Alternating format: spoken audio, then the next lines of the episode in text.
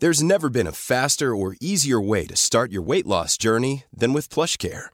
PlushCare accepts most insurance plans and gives you online access to board-certified physicians who can prescribe FDA-approved weight loss medications like Wigovi and Zepbound for those who qualify.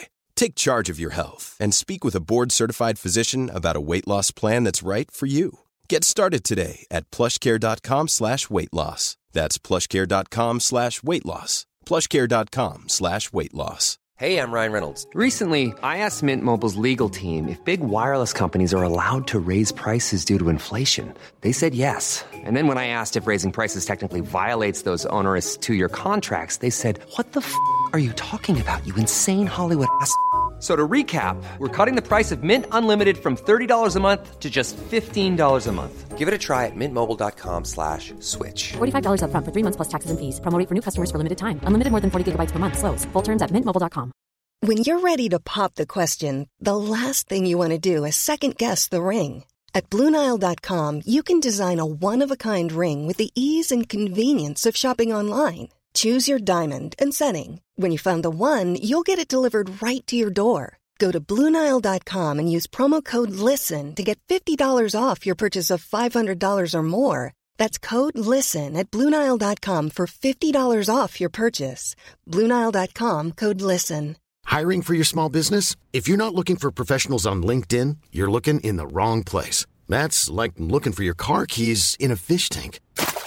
LinkedIn helps you hire professionals you can't find anywhere else, even those who aren't actively searching for a new job but might be open to the perfect role. In a given month, over 70% of LinkedIn users don't even visit other leading job sites. So start looking in the right place. With LinkedIn, you can hire professionals like a professional. Post your free job on linkedin.com slash people today. I'm amazed how many people own stocks. They, they would not be able to tell you why they own it. They couldn't say in a minute or less why they own it. Actually, you really press them down, they'd say, the reason I own this is the sucker's going up. There's enough cash in the financial system, and there's an infinite amount of cash at the Federal Reserve. An infinite amount Put of cash. that check in a money market mutual fund. Then we'll reinvest the earnings into foreign currency accounts with compounding interest, and it's gone. So they had to do something. All they had left was just to print money and start buying things. And that's what they did. Quick buck artists come and go with every bull market, but the steady players make it through the bear market. They say money can't buy happiness. Look at the fucking smile on my face. Hej och välkommen till ett nytt avsnitt av Market Makers. Tillbaks är vi nu från vinterkylan. Hur är läget Fabian? Jo, men det är bra. Man märker att man blir lite rastlös när man inte får podda av sig varje vecka. det har ju blivit lite av en nu, hur länge har vi hållit på? Fem, sex år. Och då, då man är ju van att man ska sitta här vecka ut och vecka in och gråta ut över sin portfölj.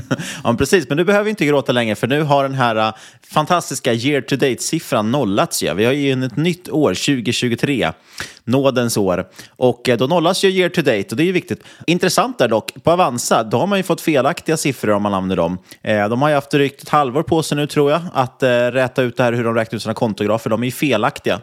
Eh, hur de räknar ut, för de tar ju inte hänsyn till uttag på korrekt sätt. Eh, och där skriver de senast idag att äh, vi jobbar på att försöka lösa det, men eh, som sagt, de har haft ett halvår på sig ungefär. Känns som att det var, borde vara ett problem som inte är så svårt att lösa. Ja, det där var ju kul. Man såg ju, det var ju tur att man inte såg några siffror i slutet av eh, förra året, för det var ju tokrally eh, sista dagarna på börsen. Så att man såg ju sin portfölj gå upp ytterligare några procent, vilket var eh, skönt, för då slog man ju sitt redan håsiga mål lite mer. ja, så kanske det var. Men du, vad ska vi prata om den här veckan? Det blir lite allmänt. Eh, dels såklart kör vi veckans tre snabba, intressanta saker vi läst under julledigheten här. Och sen kommer vi också prata lite, lite brett och allmänt om AI. Det har ju hänt väldigt mycket saker. Eh, jag tror att många säkerligen kommit hem kanske till sina familjer på julledigheten eh, och fått höra lite om det här, till exempel ChatGPT, vad tusan är det för någonting? DALI, vad är det för någonting? Eh, diffusion models. Det finns väldigt mycket kring AI som är väldigt intressant. Det känns som att det har tagit ett, eh, vad säger jag, ett sju kliv. Det har tagit ett stort, stort stort språng här bara under de senaste månaderna. Så det tänkte vi prata lite om och se, finns det några plays också på det förstås på börsen? Men som vanligt ska vi påminna om att det inte är en rådgivande rekommendation. Vi berättar om vår process och hur vi tänker, gör alltid din egen analys och glöm aldrig att alla investeringar är förknippade med risk. Denna vecka sponsras Market Makers av NordVPN, den smidiga och säkra lösningen för dig som till exempel vill använda VPN för att spana in streamingtjänster i andra länder eller kolla på ditt favoritinnehåll även fast du inte är hemma utan på resande fot. Ja, jag använder till exempel NordVPN för att varje vecka kunna gå in på F1 TV och kolla senaste F1-racet, vilket kostar otroligt mycket här borta i London men är otroligt billigt via F1s egna tjänst som inte är tillgängligt här. Och förutom de möjligheterna så är dessutom NordVPN en säker tjänst som har säkerhet i fokus. Du har inbyggt virusskydd, skydd mot inkräktande annonser på nätet och givetvis är all trafik krypterad och din IP-adress är skyddad. Det är liksom bara att slå igång egentligen NordVPN och sen lämna det på så kan man känna sig trygg. Testa idag, du har 30 dagars pengarna tillbaks garanti om du inte är nöjd. Gå in på nordvpn.com marketmakers Alltså nordvpn.com marketmakers för att testa redan idag med rejäl rabatt på första två åren. Plus att du får fyra månader gratis. Länk finns såklart i avsnittsbeskrivningen. Ja, det finns ingenting att tveka på. Vi säger stort tack till NordVPN.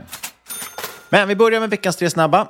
Vi har en intressant liten spaning från jobbmarknaden i USA. Eh, det har ju varit så att det har varslats väldigt mycket folk på techbolagen. Det här har vi tagit upp flera gånger i podden. Väldigt många bolag har kuttat ner väldigt mycket personal. Twitter, mest extrema exemplet, men det beror inte bara på liksom, recession eller sämre tider, utan det beror också på det här vd-bytet till Elon Musk, som vi kommer återkomma till flera gånger idag för övrigt. Eh, men det är intressant, för vi pratade ju mycket om det tidigare, att varför behövs det egentligen nedgångar på börsen? Eller förlåt, varför behövs det nedgångar i ekonomin? Det finns ju ett syfte med det. Det handlar inte om att man vill att folk ska få det illa, utan det, men det handlar ju om att Genom att liksom få sämre tider, få lite lönsamhetskrav, få upp räntor och så vidare, så rensar man ju också ut lite grann. Rensar upp bland dåliga företag. Man kanske ser till att de företagen som, visst, de är bra. Google till exempel är ett jättebra företag som är superlönsamt, men det verkar som att de ändå byggt upp väldigt mycket dödkött, som man säger, så mycket personal som kanske inte behövdes.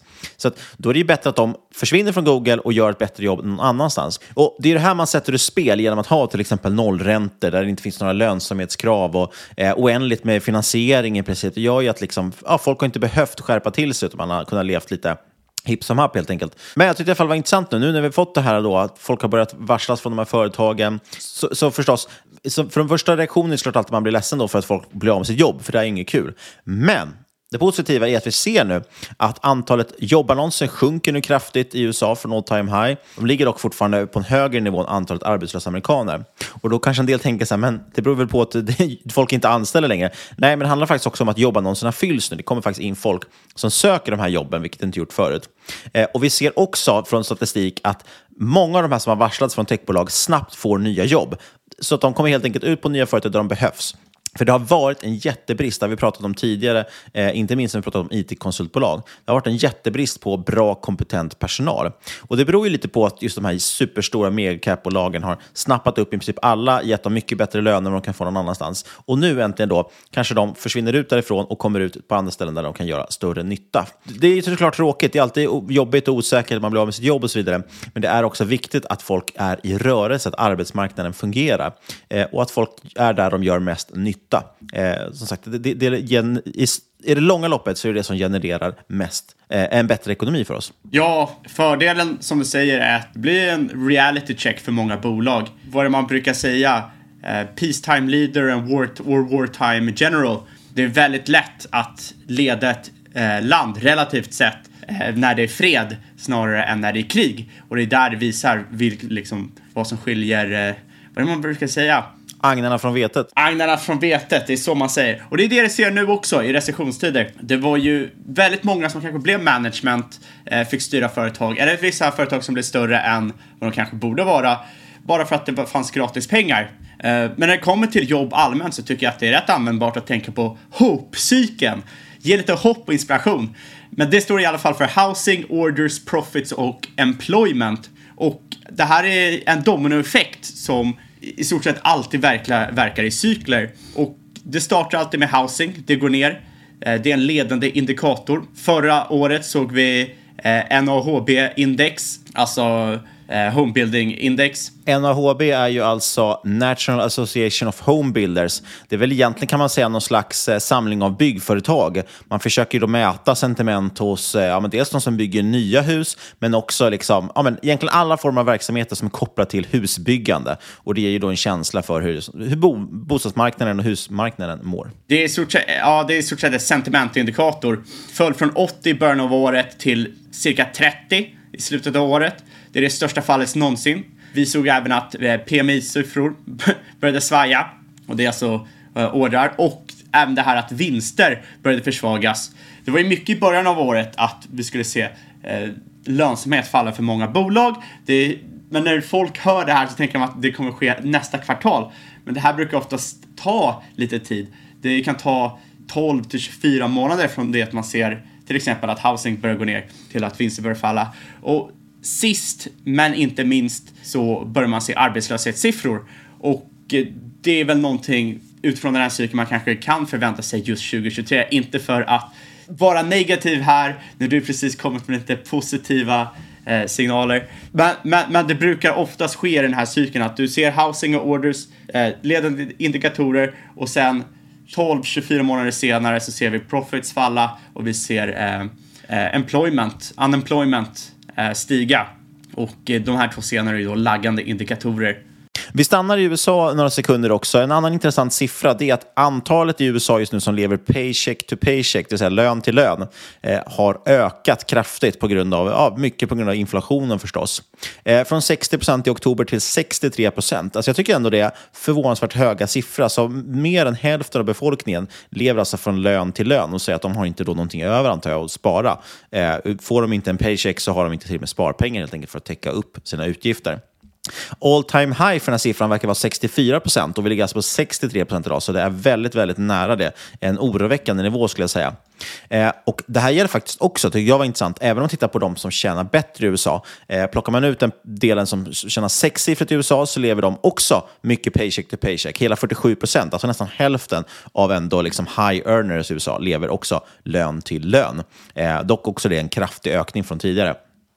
Och dessutom ska tilläggas att just det här med sparpengar är lite oroväckande, för många i USA räknar man nu har bränt igenom mycket av sina sparpengar. Och framförallt om man ska titta på den här covid-checken som skickades ut. Kommer vi väl ihåg under 2020 att det skickades ut en check i brevlådan till alla amerikaner med lite pengar. Eh, och för många var det här kanske de första sparpengar de hade. Men nu räknar Morgan Stanley med att ungefär ja, den hälft av befolkningen som tjänar sämst i USA kommer ha bränt sina covidpengar eh, 2024 senast. Ja, och eh det kan ju låta väldigt eh, oro, eller ja, det är ju oroväckande, men lite överraskande. Men så ska man tänka på hur många i Sverige kan lägga ut en spontan utgift på 10 000 kronor. Det är ju förvånansvärt, förvånansvärt liten andel om det är 30-40 procent. Så att de flesta människor har, de flesta har inte så mycket sparpengar. Nej, och det är väl lite så. man, dels man kanske lever i en bubbla, men framförallt är ju finanstwitter en bubbla. Eh, det, det, är ju så att man, man ja, det är lätt att tro att folk kanske har mer pengar än vad de har. Sen, sen ska det ju tilläggas att sparpengar, om det är så att de dessutom har det på börsen i form av fonder till exempel, eller aktier, ja, då är det såklart också väldigt påverkat av att vi har haft en börsnedgång. Eh, många brände ju de här covid-checkarna på till exempel krypto, eller Tesla, eller kort AMC, eller någon av de här eh, liksom stora populära tradesen för föregående år. Eh, och de har ju då bränt sig ganska rejält. Så det påverkar ju också förstås att en stor del av sparkapitalet är borta. Men... Ja, men me medianen på, ett, på ISK är väl cirka 50 000 kronor. Så att bara, bara där ser man att det är väldigt skewat mot folk som har större portföljer och det är klart de som kommer synas mer, ja, till exempel på Twitter eller i diverse poddar och så vidare. Precis. Eh, någon som däremot har sparpengar, det är ju Sam Bankman-Frieds föräldrar.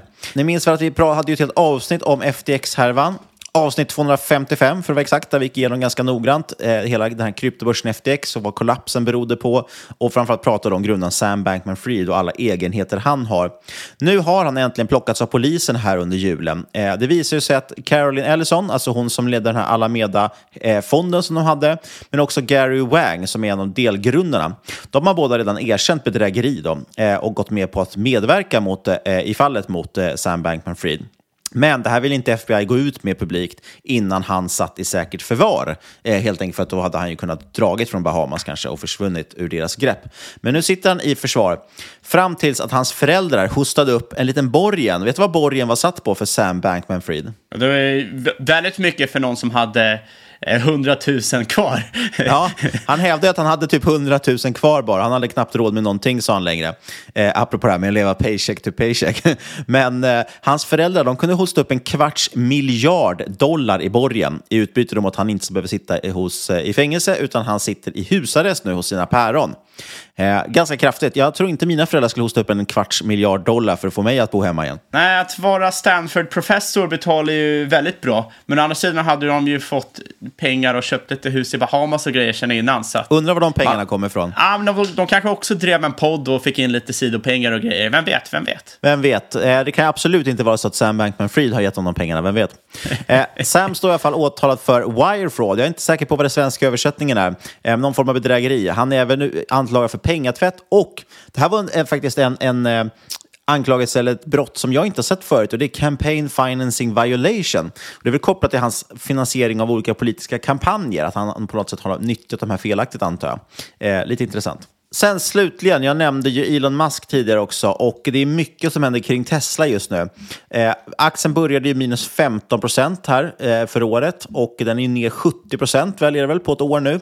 Rätt otroligt. Man levererade ett bra siffra häromdagen, 40 procent ökning av leveranser, men det var ju väldigt lägre än estimaten. Och problemet just nu är väl också att stor del av Teslas vinst kommer från Kina och då kan man diskutera hur eh, sticker de är de vinsterna och vad man bör betala för dem. Alltså Norge till exempel, det var en av, en av de mognare marknaderna för Tesla. Den växer ju endast här, nu tror jag det är förra kvartalets siffror, med, med drygt ja, ensiffriga procent helt enkelt. Ja, alltså det, det, det är ju lätt att se den här 40% siffran och tänka jäklar, bra bra siffror. Men man måste ju alltid sätta saker i relation. Som du sa, de missar estimat med cirka 20% De rampar upp sin produktion snabbare än försäljning, vilket innebär osålt inventarie. Och framförallt så ser du den här andra derivatan i tillväxten avta. Och som alla vet är det det som är viktigast för börsen. Ja, men precis. Och det är lite intressant. Ju Tesla samtidigt haft, nu tittar jag bara väldigt här anekdotiskt och i Sverige, har de ju haft lite intressant position nu senaste tiden, dock där man sett att det är i princip de enda bilarna du kan få levererade. Eh, I princip alla andra bilar har ju två års leveranstid medan Tesla kan få på några månader. Det säger dock någonting kanske om just att de har för mycket inventarier. Eh, aktien har dock som sagt gått ner jättemycket. Den handlas dock fortfarande till P35, vilket man väl kan anse är ganska dyrt för någonting som inte är ja, kanske ser ut att liksom inte må så bra. Eh, Musk också toppar eh, för övrigt listan över de som tappat mest förmögenhet under 2022. Vem tror du är tvåa på listan? listan? Ja, det är någon av techgrabbarna. Jajamän, Jeff Bezos. Så det här bygger förstås på, de har ju ledat, Elon Musk ledde väl till och med ett tag listan över världens rikaste man, men då tittar man ju liksom på aktieinnehavet och det är inte så intressant för det är inte värt de pengarna man säger för han kan ju inte sälja det innehavet hur som helst. Men Musk har toppat den här listan och nu toppar han istället listan över de som tappat mest förmögenhet. Inte så konstigt om världens rikaste man har liksom majoriteten av sina pengar i en aktie som går ner 70 procent, ja, då kommer det också vara en stor förmögenhet som wipas ut. Totalt på den här listan, 140 miljarder dollar fattigare har de här tio personerna blivit. Och under topp 10 hittar vi förstås många av de här eh, usual suspects. Det är Google-grundarna, det är Bill Gates, Mark Zuckerberg för att nämna några. Eh, ja. ja, och det är inte så konstigt med tanke på hur stora de bolagen var som, eh, som megacaps. Ja, men precis. Och det är rätt roligt det här, vi har pratat om det förut, att många räknar ut Buffett. Det var ju samma sak 2000 eh, under millenniekraschen när, när Buffett, han köpte ju inga techbolag och då skrattade folk åt honom och sen visade det sig att det var han som hade rätt i slutändan. Och nu ser vi i princip samma sak igen. För ett år sedan var Tesla värt lika mycket som två Berkshire Hathaway. Nu är Berkshire Hathaway värt två stycken Tesla istället, om man sett då till market cap med de här bolagen. Men Berkshire klev väl in i Amazon 2021, så det var väl lite toppish där. Ja, och de köpte ju faktiskt Apple också. Det kanske var det som markerade toppen för den här gången. Ja, fast, Men i fast slutändan var har ju... ändå Berkshire visat sig prestera väldigt mycket bättre än många andra som hyllades. Till exempel ARK, om vi tar deras eh, Innovation Fund. Jo, men Berkshires klipp i Apple var ju snorbra. Det var ju 2014, Apple down and out handlades för en spottstyver. Det måste man ge dem att det där var ju skitbra skitbra köp. Ja, det har blivit en superbra investering. Men de, de har ju också köpt mer under tiden.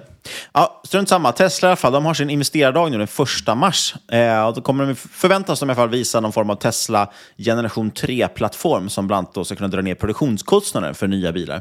Så det blir säkert spännande och lite håsigt inför det. Den ska man hålla koll på, man, vare sig man är kort eller lång Tesla. Ja, grej, alltså grejen med Tesla är att bolaget handlas ju fortfarande till PS5 och jämför med typ Mercedes eller någonting handlas det till eh, 0,5. Eh, och oavsett hur mycket tech de har i bakgrunden och hur mycket techbolag man tycker Tesla egentligen är, så är ju fortfarande deras bread and butter att sälja bilar. Det är det de tjänar pengar på. Och som alla vet är bilförsäljning cyklisk. Det spelar ingen roll att det är elbilar, det är också cykliskt. Eh, det är bara en annan typ av eh, drivkraft i, eh, i, i bilen.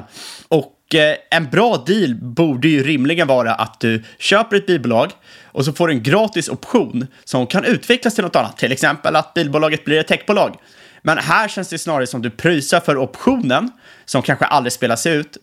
Men det du får är bilbolaget, så det blir, jag har alltid tyckt det är jätteskevt, eh, den grejen. Sen eh, har ju aktien stuckit, men det betyder ju inte att den här, ja, det, det kanske inte är bästa process bakom den om man vill investera långsiktigt. Men för all del, vill du äga ett bilbolag till PS5 så kör på. Eh, det kan säkert bli ett rally eh, eftersom den är väldigt översåld, aktien. Inget som jag personligen skulle betta på, finns mer intressanta grejer där ute. Speciellt med tanke på hur levrad Musk är. Eh, cirka 60% av Musks Tesla-innehav är pledgat som eh, collateral, eller ja, säkerhet som det heter på svenska. Ja, vi kan ju bara snabbt förklara det. Vi, jag pratade om det att på den här listan över världens rikaste män, då är det ju oftast de här som då har stora aktieinnehav i börsbolag som har gått väldigt bra, till exempel Elon Musk eller Mark Zuckerberg och så vidare. Eh, det de gör för att kunna leva på det här, för de kan ju inte sälja aktierna för då kraschar ju aktien. Det de gör för att leva på de här aktierna eller på den här förmögenheten, det är att de lånar mot sina aktier, precis som du är inne på. Så Musk har ju stoppat in dem i banken som säkerhet och så har han fått ut pengar i cash. Eh, lån helt enkelt. Och det här spekulerar spekuleras till, jag tror vi till och med pratat om det i podden, men det måste ju vara två, tre år sedan nu, eh, där det var lite hett och, och korta Tesla. Och då pratade man mycket också om det här, att var är egentligen, vilken nivå ligger Musks margin call på? Alltså vid vilken nivå måste Teslas aktie gå ner till för att banken helt enkelt ska ringa och börja kräva tillbaka sin säkerhet? Och kräver de tillbaka sin säkerhet och börjar tvångssälja aktier, ja, då kommer den förstås störtdyka. Då, då är det nära noll, tror jag, på den där aktien med tanke på hur stor andel Musk har. Nu kanske saker och ting inte sker på det sättet, för att banken är inte dumma heller. De vet ju att, att det kommer liksom bli värre då. Men det är ändå intressant att det finns en nivå, eh, och som du säger, 60 procent av hans aktier är, är belånade. Eh, det finns nivåer där han behöver börja sälja och jag tror att vi är väldigt nära de nivåerna. Ja, absolut. Och han sitter ju och bara pumpar ut, liksom säljer av hur mycket Tesla-aktier som helst. Och det hjälper ju inte att Twitters finansiering är en riktig jäkla clusterfuck. Eh, helt galen strukturering. Vi skulle egentligen kunna avhandla det i ett helt avsnitt av podden, för det är helt, helt sjukt. Men jag är inte säker hur stort intresset för det är än, eftersom det är svårt att tjäna pengar på det som privatinvesterare. Men på... Nej, de, de, de, nej, och, och, det där är intressant. Det var ju en del spekulationer kring det. När Musk sa att han skulle köpa Twitter, då kunde han ju då motivera en stor försäljning av aktier med att han skulle behövde pengarna för att köpa Twitter. Sen försökte han ju dra sig ur det där köpet. Eh, det är ju en del spekulationer om det, att det kanske bara var en, en grej han gjorde för att kunna få ut pengar av Tesla utan att behöva säga att han... Alltså, alltså, ha en anledning helt enkelt att sälja aktierna och sen aldrig köpa tillbaka dem.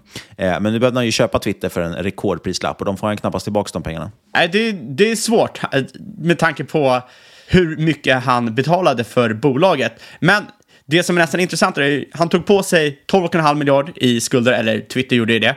På det här har man cirka 1,25 miljarder i årlig ränta. Eh, det är alltså 10 procent, varav delar av det här är rörlig ränta. Så det finns en stor jäkla uppsiderisk i det här. Eh, och framförallt så ser man ju här att det är inte många som har förtroende för de här eh, lånen. Eh, kollar man rapporter så är deras högsta tranche-lån, alltså liksom den säkraste, den handlas för 60 cent om the dollar. Och sen eh, kollar man på eh, utifrån termerna på de andra lånen så kan du räkna baklänges. Och eh, se att ja, de tranches under där, de handlades väl snarare på 20 cent under dollar. Så att det är rätt många här som tror att Musken inte kommer klara av att, eh, eh att, att, att, fixa Twitter. Jag menar, Twitter har mellan 1 till 5 miljarder i cash. Musk ser en miljard, eh, Twitter hade cirka 5 miljarder i cash när det köptes ut, så det beror på vem man ska tro där. Men de får, ha, får inte in så mycket pengar. Marknadsföringen går ner. Hur mycket kan de få in via sin eh, Twitter Blue? Inte särskilt mycket pengar. Någon hundra miljon om året kanske. Så att eh, det, det är svårt här att ens få in pengar till att betala på de här lånen. Ja, jag tror att den där tweeten, eh, att han skulle köpa ut Twitter, den kan ha kostat honom Ja, det kan, kan möjligtvis till och med kosta honom allting faktiskt. Det kan bli total katastrof. För nå, slutändan, någonstans har ju Musk sett allting så lite som ett skämt känns det som. Och, och han har ju kunnat göra det eftersom han alltid, liksom, hans Tesla-aktie bara gått upp hela tiden. Han har alltid kommit undan. Ja, men precis. Han har alltid kommit undan. Eh, men nu helt plötsligt så ser det ut som att eh, ja, kanske är det dags att, att betala notan så att säga på det Nej, sen finns det väl en gammal sägning dock, det här med att eh, är du skyldig banken en miljon så har du ett problem. Är du skyldig banken en miljard så har banken ett problem. Eh, så att någonstans så kommer de ju förhoppningsvis vara kreativa och försöka lösa det här så att man kommer ut, eller snarare så att banken får tillbaka sina pengar egentligen. Eh, men det ska bli väldigt, väldigt spännande vad som händer här. Eh, det kan ju till och med vara så kanske att de, de på något sätt tvångsinlöser tar Tesla från honom eller någonting. Vi får se. Jag tycker i alla fall det är intressant. Du sa ju att visst, den kan studsa upp för att den är översåld, eh, Tesla. Men skulle man tänka sig att det här är ett bilbolag, det är en sjuk tanke, jag vet, men, men någonstans så är det ändå, de säljer ju faktiskt bilar ändå, även om det är en stor dator i dem. Ja, men det betyder verkligen inte att det behöver vara ett bilbolag. Så tänk, tänk möjligheter. De kan ju skicka de här bilarna till Mars och grejer. Det är sant. Om vi då jämför Teslas värdering med andra bilbolag. Ja, jag sa att Teslas är typ P35, Volkswagen handlas ju till P5. Price to sales nere nu på Tesla från ganska sjuka nivåer. Det har ju varit på PS långt över 20. Nu är det nere på PS5. Och Volkswagen handlas på 0,3, General Motors 0,5. Så ska vi ner till General Motors nivå, då har du 90% nedsida till i aktien. Bara på det. Och då har vi inte ens tagit hänsyn till de, de margin calls som där trilla in då också om det sker. Ja, bolaget har väl handlats på PS25 typ två gånger. Det, senast var det ju 2020, 2021 någon gång. Uh, och vi vet ju alla varför det handlades så högt. Det var ju för att alla techbolag handlades till den prislappen. Och eh, innan det var det väl runt 2013 när det var bolag som var värt typ 4 miljarder dollar. Och eh, småbolag tenderar att kunna få rätt sjuka värderingar. Ehm, så jag, jag, tror väl inte man ska hoppas på att Tesla får den värderingen igen. Nej, man kan snabbt också göra en liten jämförelse med Nio, det här kinesiska elbilsbolaget. Eh, anledningen till att jag tar upp det är två anledningar. Dels, eh, Tesla har ju sagt majoriteten av vinster just nu från Kina och det har ju Nio också, så det är lite intressant att fundera på vad kinesiska vinster, vad är de värda? Eh, och dessutom är, kommer ju många att motivera att amen, Tesla växer nu som sagt 40 procent av sina leveranser. Det gör ju inte Volkswagen, det gör ju inte General Motors. Eh, men Nio, de växte sina leveranser med 100 procent. Så att de ligger långt, långt över Tesla. Och de handlas till PS2. Så även där har det mer än en halvering ner om du skulle ner till den nivån. Ja, men exakt. Men du, ska vi prata lite AI? Och vi kommer faktiskt komma in på Elon Musk också, fast från ett annat perspektiv. Ja, det tycker jag. Ja, och jag skulle vilja prata lite om artificiell intelligens. Helt enkelt för att jag tror att 2023 det är året för AI. Det har hänt så otroligt mycket under 2022. Eh, mest uppmärksammat nu på slutet var det här ChatGPT. Eh, men innan vi pratar om det så ska jag också bara snabbt nämna att någonting som, det som trendade innan det, det var ju de här eh, bildgenererande programmen. Alltså du, kunde till exempel, du hade ju DALI, du hade Dream, Midjourney och så vidare. Eh, där du helt enkelt från text, du kunde skriva in och beskriva någonting. Eh, eh en, eh, från, ah, du beskrev, beskrev en text vad du ville ha för bild. Där du sa till exempel att jag vill ha eh, en hamster som sitter på rymdraket, det ska vara målat som en van Gogh-tavla. Och då kunde den här datormodellen helt enkelt generera det med otroligt bra resultat ofta. Ganska galna grejer faktiskt. Jag tror att många har sett det här eh, under, under året och förbluffats. Eh, den ena här, DALI, den var ju faktiskt skapad av eh, OpenAI och OpenAI ligger också bakom den här ChatGPT som nu har blivit så stort.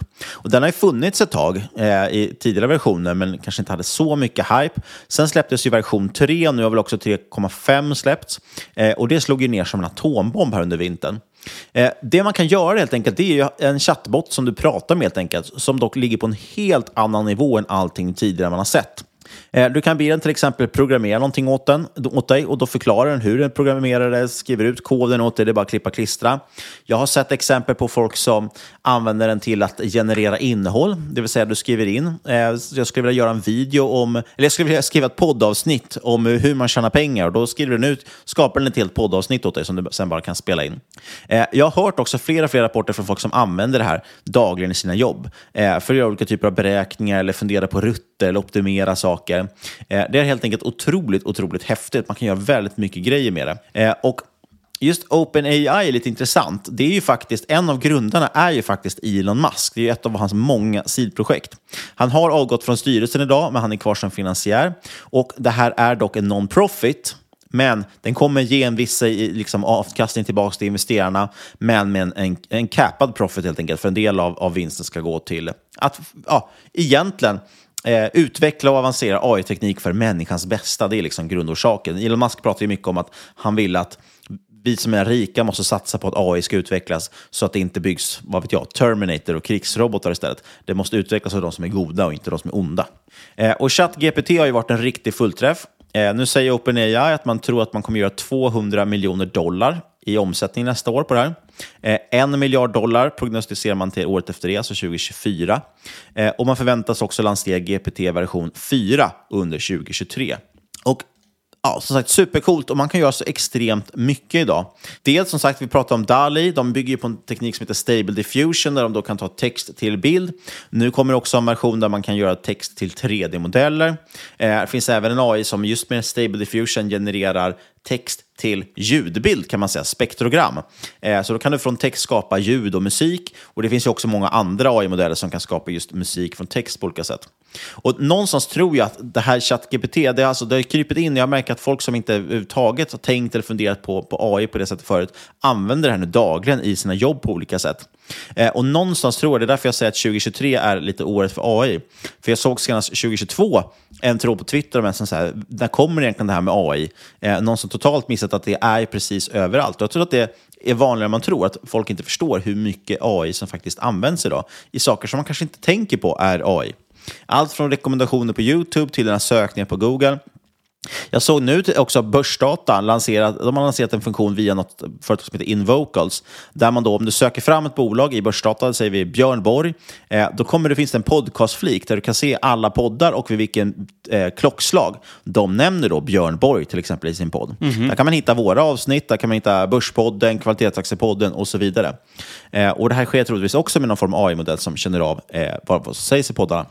Och just det där genom att, att, söka inom ljud och video är riktigt, riktigt intressant. Det tror jag är en jättemarknad. Det har ju Quarter, de är, det är den här appen som har eh, conference calls. Alltså, eh, I samband med kvartalsrapporterna så kan du lyssna på eh, konferenssamtalet efteråt där man ställer frågor och så vidare. Eh, de lanserar ju också sökfunktioner inom conference calls. Så att du kan söka på frågor som har ställts och olika typer av, ja, även sammanfatta liksom, intressanta resultat från det där.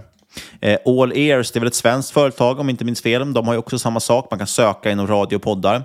Jag har testat den tjänsten, det är rätt coolt. Kunna söka på olika namn till exempel, ett företagsnamn eller vad det än är.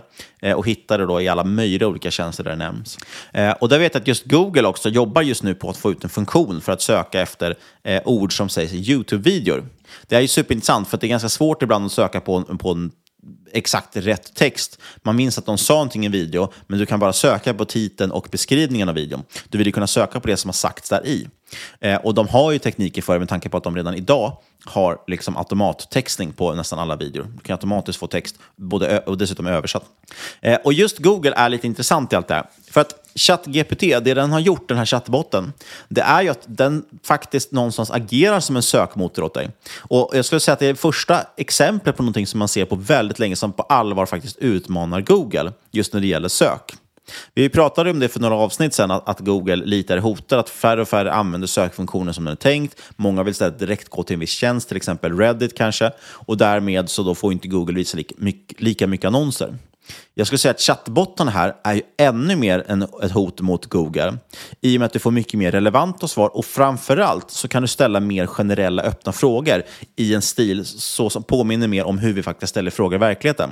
Eh, jag hörde bara häromdagen ett, ett jättetydligt exempel, en helt annan podd, där någon då letade efter en, en låt. Liksom. De har supervaga eh, sök, sökfrågor. De hade eh, liksom, några ord ur texten och de hade att den kanske kom under 70 eller 80-talet. Och så kan man ju inte skriva in på Google. Man kan inte skriva jag söker efter en låt som, som har, innehåller de här orden och kom någon gång kanske på 70 eller 80-talet. Det, det ger ju noll resultat på Google. Men på ChatGPT, den förstår ju, den kan ju tolka liksom, mänskligt språk och förstår då faktiskt vad det är ute efter med din fråga och hittade ju då låten på ja, Eh, med några sekunder. Liksom. Och det där gör ju ett, kan ju vara ett väldigt stort problem för Google, för att det här blir ju mycket mer intressant att söka på det här sättet för väldigt många saker.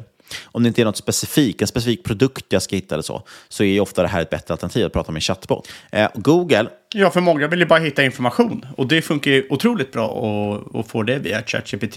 Ja, och jag kan känna så här för egen del så är det oftast klarar man väldigt bra med Google, men det är ju för att man har hållit på med Google så länge och väldigt van vid hur man ska söka och formulera sig. Men man ser också väldigt många som inte klarar av det överhuvudtaget. De, de skriver ju som att de pratar med en person och inte, för, inte förstår hur sökfunktionen funkar. Och då kommer den här typen av chattbottar vara mycket mer intressant, för det blir ju mycket mer som att prata med en människa som vet allt i hela världen. Ja, jag blir alltid chockad när jag inser hur många som är så oerhört dåliga på att söka på Google. Eh, för, för, för mig och många andra känns det ju som man, man, man, det är väldigt intuitivt, man är född med det, även fast man tycker att resultaten blir sämre och sämre. Men för många så är det inte ens, det, det, kan, det kanske inte ens är standard när de har en, liksom, undrar över någonting, att de glider på Google och frågar efter det. Ehm, eller de kanske inte ens vet hur de ska få fram sina svar. Och eh, då hjälper någonting som ChatGPT att eh, möjligtvis att förändra detta. Ja, men precis. Och sen kan man tänka sig, jag kan tänka mig att en ganska stor del av sökningen på Google är ju relaterad till programmering, eftersom många som programmerar sitter ju hela tiden med Google. Och då söker man ju ofta på specifika forum, eh, typ Stack Overflow och liknande, där man vill ha då, hitta någon som har ett liknande fel eller liknande uppgift. Liksom. Eh, och så om man inte hittar något liknande, måste, ja, då måste du helt enkelt sortera igenom massvis med trådar eller skriva en egen och så här, kan någon hjälpa mig med det här programmeringsproblemet? De till exempel sökningarna försvinner ju helt, för nu kan du ju direkt skriva till ChatGPT och fråga hur ska jag lösa det här problemet eller hur ska jag koda den här grejen och det kommer få ett svar automatiskt. Exakt. Jag, jag har faktiskt själv gjort det när man suttit lite med, med, med Python och grejer. Och ska du använda Google och så hittar du inte det du vill, då måste du tänka ut hur kan jag ändra den här frågan. Men alltså i ChatGPT så får du ju alltid ett svar i alla fall. Och sen kanske du vill ändra lite på det och då kan du säga ja, ah, men ta svaret ovan, men lägg till det här. Och, och helt plötsligt så itererar det fram till det du ungefär vill ha. Ja, men precis. Och sen bara för att lite så här nyansera saker, för nu tror folk att vi liksom tror att Google kommer att ersättas imorgon. Det man kan tillägga det är väl att det som har hänt här egentligen, för, för det problemet också med den här sökfunktionen, problem, det bra med Google när du söker det där är att du får ju väldigt många olika svar, så du kan själv välja vad som är det mest relevanta. Och så lär sig ju Google det, det hela tiden också. Vad tryckte faktiskt användaren på? Ja, då kan den förbättra svaret nästa gång. Men Problemet då med en sån här chatbot det är att den levererar ju bara ett svar. Heter Den levererar ju det svaret som den tror är rätt. Men det kan ju vara fel.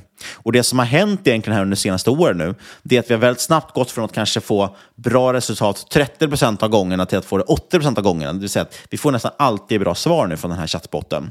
Eh, men att komma från 80 till 90 procent eller ända upp till 99 procent säkerhet i dina svar, ja, du kanske aldrig kommer komma dit ens. Om inte annat kommer du få vänta väldigt länge.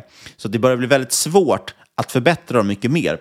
Och Det gör ju också att det är väl bristen med de här systemen, att de, de levererar ju inte alltid ett säkert svar och det är väldigt svårt för dig att veta om svaret är korrekt eller inte. Om du ställer en fråga så, så kommer du kanske utgå från att du får ett korrekt svar från chattbotten, men det är inte säkert. Men just kopplat, gå tillbaka till Google och sökmotorn där, lite intressant. Eh, Google har ju själva AI-modeller, som, några som anses ligga längre fram än ChatGPT. Bland annat en som kallas Lambda. Eh, men ryktet då gör ju gällande att Google ser ett problem med den här sökfunktionen. Helt enkelt för att de vet ju inte hur de ska kunna få in annonsering i en sån sökmotor. Så den skulle ju döda deras business. Så de har ju själva eh, deklarerat kod röd för den här typen av sökfunktioner och själva sett allvaret med, eller problemet med det för deras affärsmodell. Samtidigt är det så också att eh, visst, Google ligger långt fram just nu. Samtidigt såg någon, någon sägning här som var intressant om att alla de bästa inom AI som brukar jobba med Google Brain, som det heter, jobbar nu istället på OpenAI. Så de verkar dra väldigt mycket folk till OpenAI och det är väl därför det också växer så snabbt. Och några som verkligen tror att det här kan funka för sök är ju faktiskt Microsoft. Microsoft har ju sin sökmotor Bing. Den brukar ofta hånas, bland annat för att det mest sökta ordet på Bing är ju faktiskt Google. Alltså folk försöker komma från Bing till Google. Eh, men Microsoft gick ut med en nyhet bara idag om att de ska försöka integrera nu ChatGPT i sin sökmotor Bing. Och det här är otroligt intressant. Vi sa ju att Google vågar inte riktigt göra det här. Kanske inte så konstigt med tanke på att 80-90 procent av intäkterna hos Google kommer från deras sökfunktion idag. Medan hos Microsoft, det är svårt att tro, men Bing drar faktiskt in ganska mycket pengar, ganska många miljarder dollar. Men det motsvarar fortfarande mindre än 5 procent av deras totala omsättning, vilket gör, ger dem mycket mer utrymme att våga experimentera och testa att väva in sådana här funktioner. Så det ska bli jättespännande att se faktiskt hur det här spelar ut. Om, om Microsoft kanske kan springa om Google genom att göra Bing som en fantastiskt bra sökmotor, som en chatt-sökmotor istället. Och ett litet tillägg är dessutom att Microsoft faktiskt är en investerare i OpenAI. De har också eh, lagt in en miljard dollar, precis som Musk har i OpenAI. Så de har ju lite att vinna också på att, att eh, främja ChatGPT helt enkelt. Eh, och Google har lite tr trassligt. De hotas ju med många fronter. Så också nu ett initiativ här som hotar Google på kartfronten. Google Maps är ju den dominerande liksom, kartfunktionen och navigeringen i världen. Eh, Apple Maps är väl också stora, men Google Maps har också varit så bra för att de har ett öppet API. Så att alla som ska bygga en, en tjänst som kräver kartor, till exempel Uber, när du, eh, Uber-chaufförerna, dels när du använder appen, men även Uber-chaufförerna använder appen för att navigera, så är det en Google Maps eh, koppling som ligger där i bakgrunden. Det är Googles kartor de använder sig av. Eh, och, Face, eh, vad säger, och Microsoft har ju till exempel försökt kämpa emot det genom egna kartor, men Bing är ju inte lika bra, Bing Maps. Eh, TomTom, alltså det här GPS-företaget, har försökt det. Men nu har de kommit på en, en, eventuell lösning och det är att Amazon, Meta, Microsoft och TomTom tillsammans med Linux Foundation slås ihop sina kartsatsningar liksom, för att skapa något de kallar för The Overture Maps Foundation. Som helt enkelt ska vara en öppen databas för de som vill använda kartor utan att stå beroende av Google och Apple. Eh, kommer börja lanseras under 2023 och kan också vara ett visst litet hot för Google som den här allt-i-allo-tjänsten. Ja, och Eh, det är ju lätt att man målar upp det positiva med AI. Både du och jag är ju väldigt optimistiska till det. Eh, tycker att det är svinballt, som ni säkert hör. Eh, men jag tänkte i så fall ta det negativa eh, perspektivet och då är jag väldigt inspirerad av Ian Brammer, Eurasia Group, som varje år släpper en... Eh, det är en think tank och där släpper i stort sett en lista över årets största risker. Och såklart i år så var det saker som eh, Putin och Xi och massa sådana grejer. Men så var det också en väldigt intressant punkt och det var så kallad Weapon of Mass Disruption. Och det är en punkt som namngavs via ChatGPT. Men det är i stort sett att framstegen som gjorts inom AI Ja, det riskerar att eh, liksom, erodera den sociala tilliten, risk att ge ma mer makt till auktoritära regimer och eh, disrupta företag och marknader på ett sätt som inte nödvändigtvis är positivt heller. Och som du sa, vi har ju sett mycket av den här eh, eh generativa AI med realistiska bilder och videos och text, de här språkmodellerna som GPT-3 och GPT-4 som ska lanseras snart. Och eh, ja, det är ju så nära att klara Turing-testet som vi eh, har sett tidigare, så att det kan imitera mänsklig intelligens. Och sen såklart deepfakes, eh, ansiktsigenkänning, allt det här. Och risken är ju att man använder det här mer och mer för att manipulera människor och eh, skapa till exempel politisk kaos eller kaos för företag. Och ChatGPT är väl egentligen bara början på det man kan säga är användarvänlig AI, där vem som helst i stort sett kan använda ett AI som kanske inte, det, det är inte supertydligt att det inte sitter en människa där bakom och skriver någonting. Texten du läser, det känns nästan som det är mer en människa som har skrivit det än en dator. Och det är väldigt annorlunda från det vi har sett tidigare från till exempel bottar och liknande. Och, men det är också väldigt rimligt att vi antar att fler tjänster tillkommer över tid som är lika användarvänliga. Och då kommer det bli mer och mer sv eh, svårt att avgöra vad som är verkligt och vad som inte är verkligt. Och det här löper ju då en stor risk att leda till ökad desinformation ännu mer än vad vi ser nu i social media. Någonting vi har insett senaste tio året är att folk har ju väldigt svårt att ja, fact-checka, tolka vad är sant, vad är falskt här. De gillar ju att läsa det narrativet som, som de håller med om, oavsett om det är sant eller inte. Och med AI så kan det här rampas upp rejält i och med deepfakes och eh, olika typer av eh, generativa videos som fejkar saker eller röst, eh, AI och så vidare. Och risken här är att folk alltmer tappar eh, tillit för samhället och framförallt för demokrati. Och vi som sagt har redan sett hur man väldigt enkelt kan manipulera social media för att bygga sig publik eller till exempel kamma hem röster i ett val utan att nödvändigtvis tala sanning.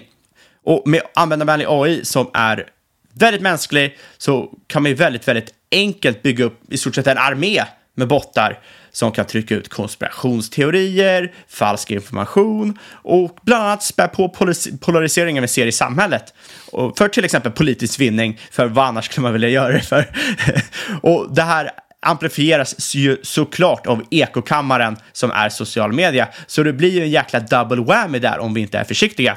Sen kan man också prata om hur kan det här påverka bolag? Ja, bland annat falska konton. Vi såg ju det på Twitter, en liten, en liten försmak som kan hända eh, när du får den här blue checkmarken på fejkkonton och så helt plötsligt ser du aktiekurser som dyker. Men vad händer när folk börjar eh, fejka olika ledningar på bolag, trycka ut information som inte är sann, liksom trycka ut en hög volym av kvalitativa inlägg, recensioner, kommentarer, olika typer av brev till aktieägare där det inte finns någon sanning bakom, men som låter ja, som, som känns äkta för att sprida panik. Eh, det är ju en stor risk med AI som verkligen kan disrupta hur vi ser på samhället men också hur vi ser på företag och kan göra att det kan bli jäkligt rörigt. Ja, där håller jag med vaken om nätterna faktiskt. Ja, för det känns också inte som vi liksom gör särskilt mycket för att eh, stoppa det här. Som de flesta vet så är ju samhället, eller politiker, är ju rätt trögrörliga. Så att vi har ju fortfarande ingen, ingen reglering för social media till exempel. Och det här började ju slå igenom för 15 år sedan.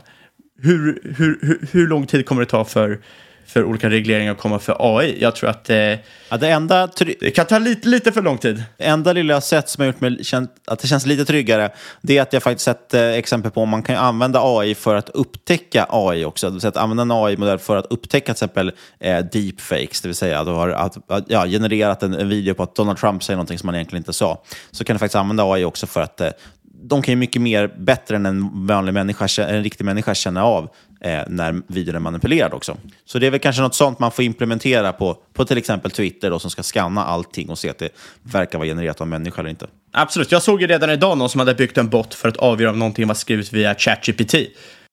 Ja, och, man, och jag hade redan sett det faktiskt också konton på Twitter som, som enbart använder ChatGPT för att generera svar på frågor också eh, och försöka bygga en, en, following på det. Rätt intressant. Men hur kan man tjäna pengar på det här då, Niklas? I slutändan är ju det här ändå en börspodd. Ja, vi ska se. Det blir lite lösryckt här då kanske, men eh, jag ska också snabbt bara bränna av några till börsbolag som gör lite intressanta grejer. Jag pratade ganska mycket om Google här. De är väldigt innästade i det här med AI på väldigt många olika sätt. Även om själva ad-businessen är liksom det huvudsakliga, men den bygger också väldigt mycket på AI och big data. Eh, men sen såg jag också Amazon, eh, en liten nyhet här. De har ju sedan tio år tillbaka jobbat med att lansera drönarleveranser, Det är också kopplat till AI. Och nu är det äntligen dags för lanseringar här. De testar och lanserar i Kalifornien och Texas. Problemet där ligger förstås lite kring lagar och regler, men de kommer köra med de här drönarna. Eh, kunderna kommer beställa saker precis som vanligt, men det kommer då levereras eventuellt med eh, drönare helt enkelt. Ganska cool grej. Eh, och vi ser mycket exempel på det här. Folk försöker på alla sätt och vis få bort minimum wage-arbetare eh, helt enkelt. Amazon vill bli av med bud, budchaufförerna. McDonalds de testar sin första helautomatiserade restaurang, eh, också i Texas just. Så du kan gå in på restaurangen, beställa samt plocka upp maten helt utan kontakt med människa. Eh, låter som en ganska sorglig bild av framtiden, men såklart jättelockande för McDonalds för de sparar ju sjukt mycket pengar på att inte behöva anställa människor. Eh, det gäller dock... Inte konstigt att så många är deprimerade. Man inte har någon social interaktion längre. Ja, men precis. Det gäller dock bara take away och drive-through. Och jag tycker det är lite falskt det här att de säger att det är helautomatiserat, för det är tydligen fortfarande människor som lagar maten. Men det har vi sett andra exempel på. I Japan finns det väl någon sushi-restaurang till exempel som är helt eh, robotiserad. Så det där kommer man också kunna lösa. Eh, och det där är väl liksom drömmen som sagt för de här bolagen som är väldigt beroende av, av minimum wage-arbete, helt enkelt, att kunna ersätta samtliga människor. Men som, som vi är inne på, det är ganska sorgligt för du tappar all social interaktion eh, och det är förstås också väldigt jobbigt för att till exempel McDonalds har ofta lyft, i Sverige i alla fall, att de är viktiga för att kunna erbjuda liksom första jobb kanske för många människor som kommer ut i arbetslivet och så vidare. Vi måste ju också ha jobb som, som inte är ingenjörer och ekonomer. Eh, en intressant spaning apropå att bli av med fysiska människor också, det var att i Kina såg jag nu en artikel om att det börjar säljas allt fler virtuella profiler. Eh, ett stort problem idag med att anlita influencers, som är så populärt, det är att de väldigt lätt hamnar i blåsväder. blåsväder kan till exempel vara tokiga uttalanden om någonting. Eh, eller som i Sverige nu med Margot Dietz som filmar en medvetslös man utanför sin dörr och gjorde content av det. Den här risken är dessutom lite extra stor i Kina där gränserna för vad man får göra och säga är snävare än i väst. Och för att kringgå det här nu så kan man för runt 140 000 om året, sägs det kosta, då, eh, köpa en virtuell influencer istället som skapas via en AI, eh, så 3D-modeller, ljudgenerering och så vidare. Lite intressant, påminner lite om det här fenomenet VTubers, alltså virtuella YouTubers också. Ja, nej, men det är ju faktiskt väldigt intressant. Och att det är människor som eh, följer det här. Eh, alltså jag, jag kan 100% fatta att man följer influencers, riktiga människor, men jag tycker att Jag är lite gammal för att förstå varför man följer virtuella influencers. Jag kan väl på något sätt förstå det, kanske det är häftigt. Men jag kommer ihåg när jag läste om en sån som hette, jag för mig att hon hette Lill Mekaela. Hon har väl typ tre miljoner följare på Instagram. Och det är någonting där som klaschar i mitt huvud som inte riktigt Eh, förstår varför. Jag förstår varför företag vill använda det eh, och varför folk vill skapa en influencer. Men om du inte ser ut som en influencer är det svårt att bli det. Då kan du skapa en virtuell sån. Eh, men förstår inte 100% varför folk vill följa det. Nej, jag förstår inte heller det. Men som sagt, så att, generellt, väldigt många företag kommer ju liksom på något sätt påverkas av AI i framtiden. Som sagt, McDonalds, Amazon, you name it, alla som är beroende av personal. Amazon har ju redan automatiserat stora delar av sina lager till exempel. Men det här ligger ju väldigt långt in i framtiden, kanske inte någonting vi kan påverkas av här och nu. Så låt oss lyfta några sådana klassiska dock, eh, plays på AI som finns. Det några klassiska aktier som man brukar prata om när det gäller AI. Det mest uppenbara det är ju förstås de här stora molnjättarna. Vi har pratat om Google jättemycket och Alphabet. Problemet där är väl, eh, Alphabet har blivit ganska billigt idag, P17, men vi har ju pratat om det tidigare i podden. De ligger väldigt långt fram inom AI. Problemet är ju att de förlorar ganska mycket pengar på Google Cloud. Det är knappast ett renodlat play. De har väldigt mycket, det är en annonseringsverksamhet i grund och botten. Och den ser ju ut också att ligga jag ska inte säga att den ligger risigt till, för det låter som att jag tror att bolaget ska gå till noll. Men, men de kommer antagligen ha en lite svårare period just nu, känns det som. Det känns inte som att eh, liksom, Alphabet... Ja, det finns en anledning helt enkelt att det värderas ner till P 17 från, från tidigare högre nivåer. Ett intressantare alternativ om man vill ge mega caps, då är ju Microsoft mer intressant tycker jag. Eh, ligger, det handlas dock till P 25 så det är ju ganska dyrt. Eh, direktavkastning 1% dock. Det är väl ännu mindre av ett rent play, men jag tycker som sagt personligen att övrig verksamhet är mycket mer spännande här. Liten grej jag vill säga om dem också, anledningen till att jag lyfter dem. De har ju sitt GitHub Copilot som är rätt intressant. Microsoft köpte ju för några år sedan GitHub som är väl, ja, det är väl världens största liksom, plattform för att spara kod på helt enkelt. Eh, och via GitHub Copilot så kan du då, när du kodar på GitHub, så kan du då få kodrekommendationer och den kan koda åt dig, precis som vi pratade om att ChatGPT kan göra, men här sker det direkt i, ditt, eh, ja, i Visual Studio som det heter, det programmeringsprogrammet. Så när du skriver in att här behöver jag en funktion som gör si och så, så kan den helt enkelt koda fram det åt dig. Rätt coolt och har visat sig vara en väldigt stor succé, används väldigt flitigt redan nu. Hoppar vi istället in på någonting som brukar lyftas som ett, liksom ett rent play på AI så är det väl C3.ai. De har ju till och med AI-namnet Fabian. ja, jag kommer ihåg när de land, vet det, IPO-ade 2020. Det var hett som satan. Riktigt hypad notering. Har väl inte gått så himla bra sedan dess. Aktien är ju ner ja, runt 90 procent sedan den noteringen. Eh, men det här är ett bolag som, som verkar gå hyfsat bra. Eh, omsättningen växer hyfsat. De har bland annat eh, US Air Force som en kund de ofta lyfter fram. De använder ju plattformen för att identifiera risker och förutspå fel i flygsystem. Det är egentligen, jag tycker att det är väldigt luddigt vad de faktiskt gör, C3, men de förklarar det som att de har en plattform helt enkelt för att kunna ja, lansera AI-funktioner på ett bra och säkert sätt. Så det här är ju mer ett pure play, men det är ju fortfarande inte det, för visst, de jobbar enbart med AI, så deras C3 som bolag är ett rent AI-bolag. Men det är ju inte att kapitalisera på AI-trenden. Om jag tror till exempel på ChatGPT, då, då hjälper det inte mig att jag investerar i C3. Det är ju det som är problemet, att, att en specifik teknik, Eh, det går inte att investera specifikt i den tekniken, utan det finns ju massor med bolag som använder det på olika sätt. Men de är intressanta, de har intressanta lösningar, de har haft okej okay omsättningstillväxt. Problemet är att deras förluster skenar helt enkelt. Och som sagt, aktien har fallit 90 procent vem vet, kanske kommer vända snart, men just nu känns det fortfarande inte kanske jättelockande förrän man ser en tydlig vändning. Man brukar inte behöva stressa in i sådana saker. Om man då vänder på det, okej, okay, vi vill investera specifikt i den här liksom, tekniken, ja, men då kanske man istället ska gå på hackar och spadar, som det så fint heter. Eh, då är Nvidia ett klassiskt exempel. De säljer ju egentligen grafikkort i grund och botten, men det var ju grafikkorten, eller GPUerna, då, som började användas mycket för AI. Nu bygger man mer specifika chip, ofta för specifika typer av AI, eftersom det blir så etablerat. Men Nvidia driver, liksom, drivs fortfarande väldigt mycket av den trenden. Dessutom är de väldigt, vet jag också, satsar väldigt mycket på självkörande bilar och så vidare, som är intressant. Det som talar emot dem det är väl att Nvidia är fortfarande väldigt dyrt. Handlas det över P60.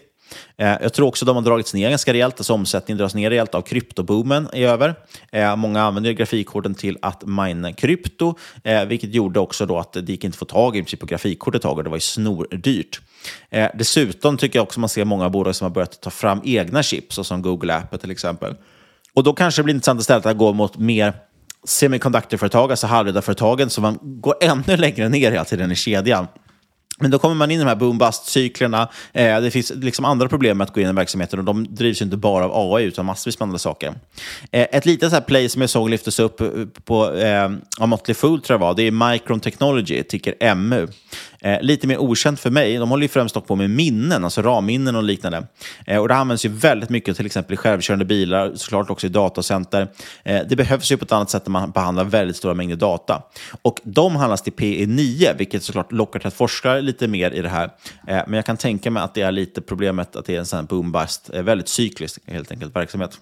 Ja, sorry. Jag vet ju att det är Monish Pabrais största innehav och han är så här indisk eh, värdeinvesterare. Han är i och för sig inte superbra rec- track record, eh, men han brukar ju håsas upp lite av retail-investerare, många som tycker om att läsa om honom och, och liknande. Jag tror att problemet med Micron och allmänt i eh, semiconductors är som du säger, det är en boom-bust-cykel. Kollar man på senaste kvartalsrapporten från Micron eh, så ska de sänka capex rejält. De vill ju typ halvera det. De ser också en sjuk supply-demand mismatch och tyvärr inte på samma sätt som man ser i energibranschen utan snarare att man har för eh, högt utbud eh, jämfört med efterfrågan under 2023. Och det bygger väl på att vi har haft sån halvledarbrist, så att folk har ju rampat upp pro produktionen helt enkelt. Och nu helt plötsligt så tappar man efterfrågan, men står där då med jättestort utbud när, när, när saker och ting har löst sig och man har hunnit tillverka jättemycket. Exakt, och det är såklart problematiskt om man vill vara aktieägare. Eh, för det innebär ju att lönsamheten kommer vara väldigt... Eh, det kommer vara svårt med lönsamheten 2023, det säger bolaget själva. Och man ser kontraktion i eh, ja, de flesta marginaler. Allmänt så tror jag att det är rätt svårt just nu att tjäna pengar på ren AI. Men då har ju de här eh, storbolagen, men vill du leta mindre bolag så tror jag att många av dem kommer fortsätta vara privata. Många av de mest spännande bolagen inom AI är privata och framförallt är de ju ändå högvärderade under menar, slutet på 2022 eh, och nu in i 2023 är ju AI i stort sett det enda som VCs verkar vilja eh, investera i. Du kan inte investera längre i eh, kryptotraden och webb 3.0 när det har dött. Då är det AI som gäller och då kommer det hållas privat desto längre. Och då kanske det är bättre att kika på vilka typer av bolag som kanske gynnas av AI för olika typer av effektiviseringar där de kanske kan få till en marginal eh, expansion av att implementera AI. För kikar man på de här större bolagen, jag, kanske, jag tror i alla fall att det kommer vara svårare att tjäna bra med pengar på de eh, kommande tio åren jämfört med liksom, de tio åren som har varit. Vi har ju sett en riktig ja, det, det, har ju varit deras time to shine helt enkelt med så mycket gratis pengar som har pumpats in i systemet. Jag, jag tror inte det kommer vara en lika liksom, självklar trade i, i framtiden som det har varit. Nej, och det är intressant att fråga sig vad nästa stora trend kommer vara. Vi spånade lite om det i förra avsnittet och vi kommer fortsätta utveckla det lite under året som går också. Men eh, jag vill ändå avhandla AI lite grann eftersom jag tror att 2023 ändå kommer vara året för AI, även om det kanske inte är det mest klockrena att investera i. Och det är någonting att ta med sig och fundera på hur det påverkar de bolag man investerat i förstås. Det känns härligt Fabian att vi är igång nu och på rätt sida av årsskiftet också, eller hur? Eh, nästa vecka då kommer vi prata lite om cleantech tror jag. Det kommer bli lite solceller men också luftvärmepumpar som är på tapeten just nu. Inget av den här podcasten ska ses som rådgivning. Alla åsikter var rena eller gäst och eventuella sponsorer tar inget ansvar för det som sägs i podden. Tänk på att alla investeringar är förknippade med risk och sker under eget ansvar. Och vi vill tacka vår sponsor NordVPN. Gå in på nordvpn.com marketmakers. Har ni något ni vill säga till oss? Kontakta oss då på podcast